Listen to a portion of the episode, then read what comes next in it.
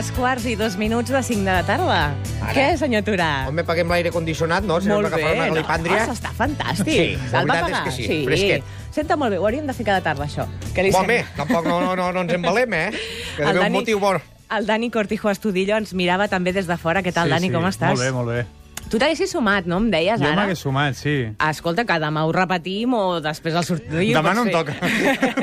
Demà no em toca. Quan tu vulguis, quan tu vulguis. Sí. What a glory. Ha estat una iniciativa que ens venia molt de gust fer, Sí, la veritat, i que ha estat un plaer i va pel Jano Galant. Escolta'm, que, mm, per cert, Dani, avui tu també ens parles d'una cosa que passa per aigua, sí o no? Sí. De pirates. Ah, sí, això ho he dit dels pirates. Volia parlar de pirates, però dic, estarem a l'estiu, la gent tindrà ganes de mullar-se, però fa un temps fatal, la gent no té ganes de mullar-se, vosaltres sí. Sí. Per cert, també una salutació al Jano, que el conec personalment Sí? i s'ho mereix molt. Sí, sí, treballo amb sa germana. Què dius ara? Sí, sí, sí, sí, sí. I és un company... Bé, en fi, digues. Doncs, doncs això, anava a parlar de pirates dient que faria sol i tal, però Sí. sí. mira, m'heu arreglat, perquè fa sol igualment, per tant, la Exacte. secció em queda estupenda. Uh, diguéssim, no fa sol, però us mulleu igualment, Sí, dir. sí, hem Sí. passat per aigua, per tant som els pirates del segle XXI. El es que veu. faci falta. El que faci falta. Més, més que res, el que volia explicar jo és que, clar, nosaltres l'Empordà, tots aquests llocs tan idíl·lics, els veiem com uns llocs supertranquils, però si ens anéssim finals de l'edat mitjana, era un lloc bastant terrorífic, perquè era uh, dels llocs on més atacava uh, la pirateria en aquella època. Aleshores, la, la gent d'aquelles poblacions està totalment atabonida perquè cada dos per tres ens hem d'imaginar vaixells arribant a les costes i assaltant tots els pobles. Carai, semblava realment llegendari, però resulta que hi ha un fons real, històric i documentat. I tant, moltíssim. De... Estem parlant de la pirateria mediterrània. Eh? Després, si ens anéssim als pirates del Caribe, per de la pel·lícula, diguéssim, hi havia pirateria a lo gran. Totes les guerres que hi havia entre anglesos i francesos i tot això també hi intervenia aquella pirateria. Que ara també hi ha gent que salta vaixells, però està més de moda el tema de pirateria, de drets d'autors i coses d'aquestes. Però Perquè, aquest- una cosa, quina és la diferència entre pirata i corsari? Perquè els has doncs posat veure, en sacs diferents? si toca que t'enganxi un d'ells, és igual. O sigui, si tu ets la víctima, és igual. Però a nivell tècnic, diguéssim que la diferència és que el cursari és una persona que treballa per algú. És una, un vaixell que va, per exemple, amb una bandera anglesa i va atacant els francesos, o és un vaixell genovès que ataca els catalans... Com un- vaixell com un català. mercenari. Sí, és un mercenari, Un mercenari. bàsicament, i aleshores tu assaltes el vaixell, t'endús una, una part dels diners i, i ja està. En canvi, un pirata, diguéssim que és com un autònom, no? no? Té la seva pròpia empresa. Ell va saltant vaixells i es va quedant les coses. Ah. Està molt bé el símil. Més o menys, autònom. sí. és millor ser pirata que ser autònom, em sembla. Eh? Però... Perquè qui eren aquesta gent a tot plegat? doncs normalment era, venien de procedències molt diverses. Podrien... Nosaltres sempre hem vist els pirates com allò, amb un ull tapat, Sí. sí. amb un garfio i tot això.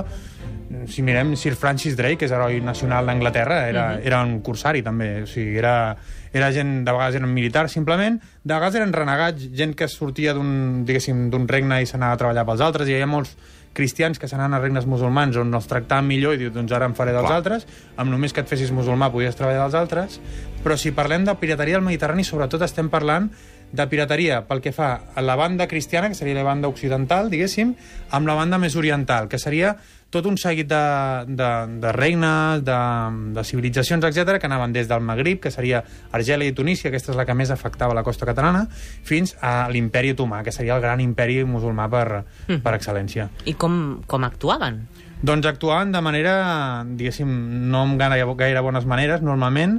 Hem de pensar que la pirateria comença a ser tan important eh, ja a, a finals del segle XV que s'acaba bloquejant el Mediterrani, per tant, això portarà que s'acabi descobrint Amèrica, perquè no es podia passar Clar. la ruta de la seda, i el que es feia era simplement assalts que podien ser diguéssim, el que es diu minifundista, igual que es parla en agricultura, que són quatre barcos que arriben a una població, Sí. o a nivell a lo bèstia, no sé quants vaixells i assaltar tota una població. Hem de pensar que, per exemple, ciutats com Maó van ser totalment segrestats tots els habitants de Maó alguna vegada, o Palafrugell va quedar arrasada, i és per aquest motiu que ara tenim alguns vestigis d'aquella època, com per exemple, si anem per tota la costa catalana, trobem unes torres al costat de d'algunes masies que es diuen les Torres de Moros. Eren unes torres que es pensaven per si t'atacaven, entraves allà amb les teves pertinències i fins i tot algunes amb el bestiar i et tancaves a dins. Perquè la pràctica normalment era segrestar la població i demanar rescats.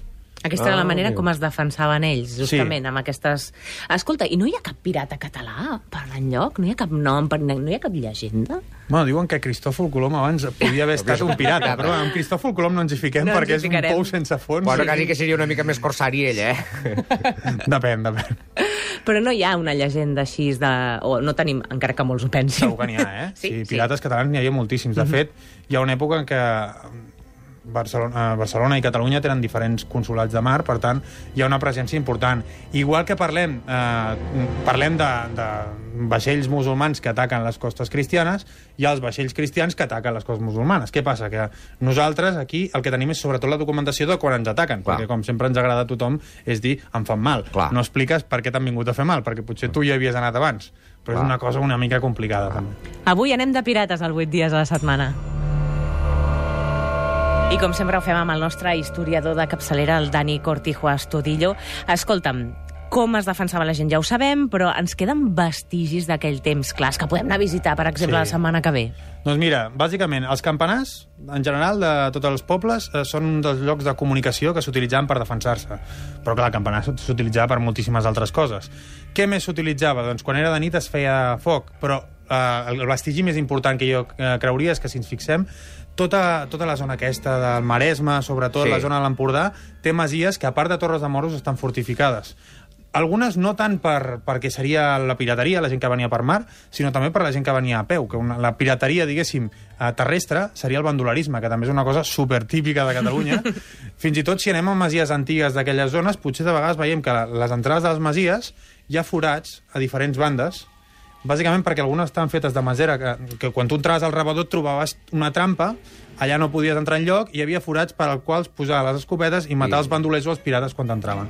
Però de torres fortificades en moltes masies, sobretot de la zona de l'Empordà, en podem trobar moltíssimes. És curiós perquè segur que hem passat per davant d'aquestes eh, Sí. entrades o fortificacions i no les hem vist o no hem sabut detectar justament doncs, a- aquestes ranures. De, de fet, fixem-nos, fins i tot en, en el vocabulari quotidià que utilitzem, la gent diu... Jo me'n recordo quan era petit que diu... Jo tinc una torre a l'Empordà. Diu, una torre? I per què vols una torre? Per què no tens una casa normal? Clar. I ja encara Clar. que tinguis un xalet adossat, li dius Sí, la, la torre, torre. Però no és cap torre, però ens ve la, el vocabulari aquest de la torre de quan eren les torres de defensa dels Ah, pirates. carai.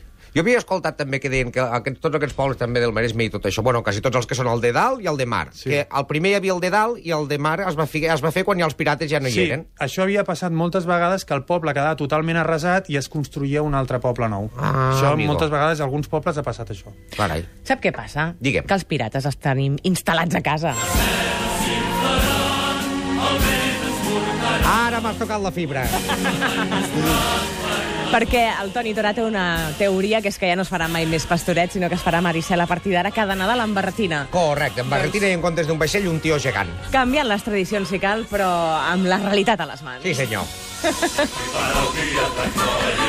Dani, escolta, si volem saber més coses de la pirateria en general, però d'aquesta Mediterrània que ens has explicat avui, eh, i en volem saber més, què podem fer? Doncs jo us recomanaria molt especialment un llibre d'Agustí Coberro, que és qui ha estat eh, director del Museu d'Història de Catalunya fins fa poc, ara mateix han fet una convocatòria a veure qui es vol apuntar, uh -huh. que es diu Pirates, bandolers i bruixes, que no només parlarà dels pirates, també d'aquests bandolers i també de les bruixes, que també tenim una imatge llegendària de vegades una mica allunyada de la realitat, perquè la majoria de vegades eren simplement dones que protestaven per alguna cosa, i per tant ets una bruixa.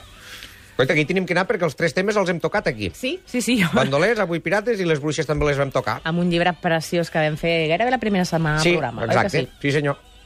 Curiositat històrica, per acabar la secció d'avui. Doncs a veure, com hem anat una mica lluny de la història i una mica enmig del mar, anem a la costa i anem a una cosa una mica més recent que és dels anys 80.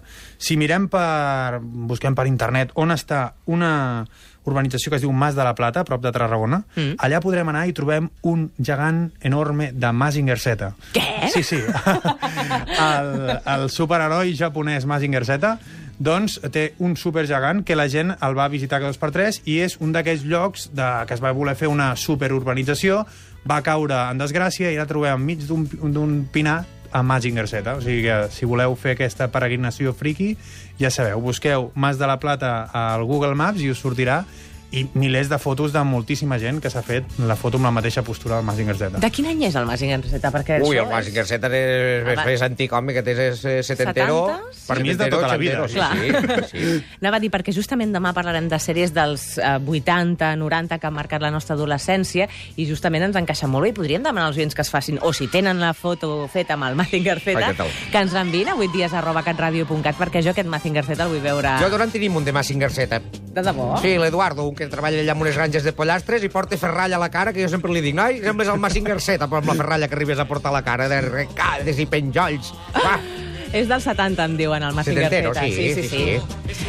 Com es pot portar ferralla a la cara? Això els pirates, en tot cas, Bueno, no? ferralla, allò, els pírcings aquests que es fiquen Ah, i les d'acord, arrecadetes aquestes, ferralla, allò, ferralla, allò. Diuen que quan, mm, no, no només els pirates, els navegants, quan creuen el Cabo de Hornos posaven un forat d'arracada. Ah, Ah, bueno, sí? Sí, que molts en tenim, però no hem creuat res, eh? Però... Era per això? Sí, moltes vegades, si ens fixem, a, per exemple, a Shakespeare, surt amb una arracada, i em sembla que és per un tema d'aquests marineros, també. Què dius? Sí, sí, sí. Perquè l'estètica que tenien és tal i com l'hem entès, per atendre... Quan ens vas explicar allò dels vikings que no portaven barret amb cornes, vaig pensar Jo com crec pot ser. l'estètica pirata, pirata del Carib ja és més caribenya, no? Sí. Allò, la que tenim associada, no? Que si tal, que si... Però jo crec que els pirates mediterranis anaven més, que seria com un soldat d'aquella època, simplement. Allò, brutets, eh? Brutejant i Home, brutejant, en aquella època tothom eh? anava Tothom brute- Tu mateix, brutejava. eh, clar. Com els bandolers també brotejaven. Sí, sí, clar, sí. Al mig del bosc no hi havia dutxers. Clar, eren altres èpoques. Bé, Oh, ni a mig les cases, ciutat, tampoc. tampoc. Tampoc, exacte. Sí, sí, és que les coses han canviat molt, però també està bé Hi conèixer. havia galledes d'aigua. Sí, veus? Nosaltres sí. ens hem tornat en aquest sentit rupestre. No, però en aquella època rentaven com els gats. Com es... Quatre, no? quatre llampadetes aquí sota, una miqueta que d'aigua al clatell i això tira milles. Home, que això ho sé jo que ho he vist a les pel·lícules. Sí. Clar. Han fet mal les pel·lícules en els pirates o no? Moltíssim, amb tot. Sí? Bueno, amb els pirates encara poc. Amb Ja. quasi tots els temes històrics, ja, si es barreja ficció i història, de vegades... Per exemple, a Gladiator surt un- una estàtua que no estava a l'època an- anterior, no estava ambientat, i això en moltíssimes pel·lícules, novel·les, etc. Doncs la setmana que ve reprenem aquest apartat, la cara B de la història, amb en Dani Cortijo. Moltíssimes gràcies, Dani. Vinga.